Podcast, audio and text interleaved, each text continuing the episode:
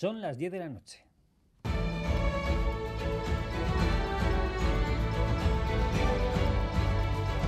Radio Euskadi y Radio Vitoria.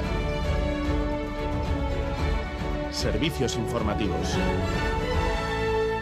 Repasamos los titulares de la jornada con John Fernández Mur, Gabón. Gabón, Xavi, noticias de este martes 13 de diciembre en el que comenzamos mirando al Hospital Donostia. Los jefes de servicio de este centro huyen ahora de la confrontación con la dirección de Saquidecha y con el gobierno vasco. Han anulado por al menos 48 horas sus protestas y no ponen problemas a que pueda extenderse ese periodo una vez visto, dicen, que la otra parte está en disposición de dialogar y negociar. Adolfo López de Munain, jefe de neurología del Hospital Donostia en Gambara lo que ha cambiado es que precisamente eh, eh, hemos recibido esa, esa ventana al diálogo de diversas maneras y de hecho pues se han empezado algunas iniciativas en el día de hoy y creemos que dar este margen de 48 horas que podrían ser ampliables puede ser útil para consolidar de alguna forma este, este diálogo coincide con el Endacari en que no todos los servicios pueden estar en todos los hospitales, pero pide transparencia a la hora de repartir los servicios entre los diferentes centros de la red de Osakidecha y que ese reparto obedezca a criterios técnicos. Dirigentes y exdirigentes del Grupo Mondragón remarcan, remarcan el mensaje de que en ningún sitio se está mejor que dentro de la propia corporación. Sí, en un momento en el que ya todos dan por hecho que Ulma y Orona van a salir este viernes. El presidente del grupo, Íñigo Uzín, pide a los socios de Ulma y Orona que no lo abandonen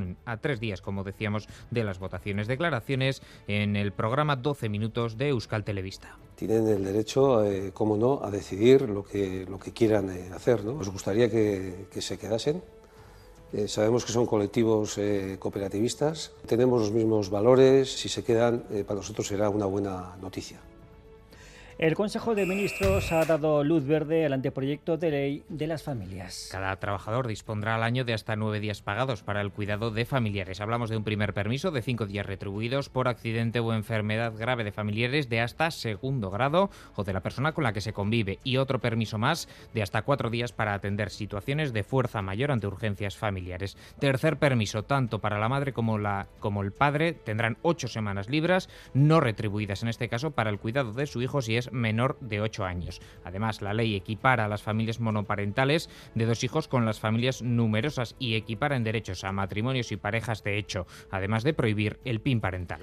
Y Estados Unidos ha confirmado que por primera vez han conseguido generar energía en una fusión nuclear. Un hito histórico tras 60 años que nos acerca a una nueva fuente de energía limpia e inagotable. Aún así, se trata de un primer paso. No está claro exactamente ni cómo podrá materializarse y en el mejor de los casos, en el escenario más optimista, pasará una década hasta que podamos empezar a usar ese tipo de energía. El Parlamento Europeo ha destituido del cargo de vicepresidenta a Eva Kaili, acusada y detenida por presunta corrupción. Lo ha hecho con un solo voto en contra y dos abstenciones. Eso sí, de momento Kylie se mantiene como eurodiputada. La Comisión Europea se ha mostrado preocupada por la pérdida de credibilidad, dicen, de las instituciones comunitarias. Así terminamos. Más noticias dentro de una hora y en todo momento en itv.eus y en la aplicación ITV Albisteac.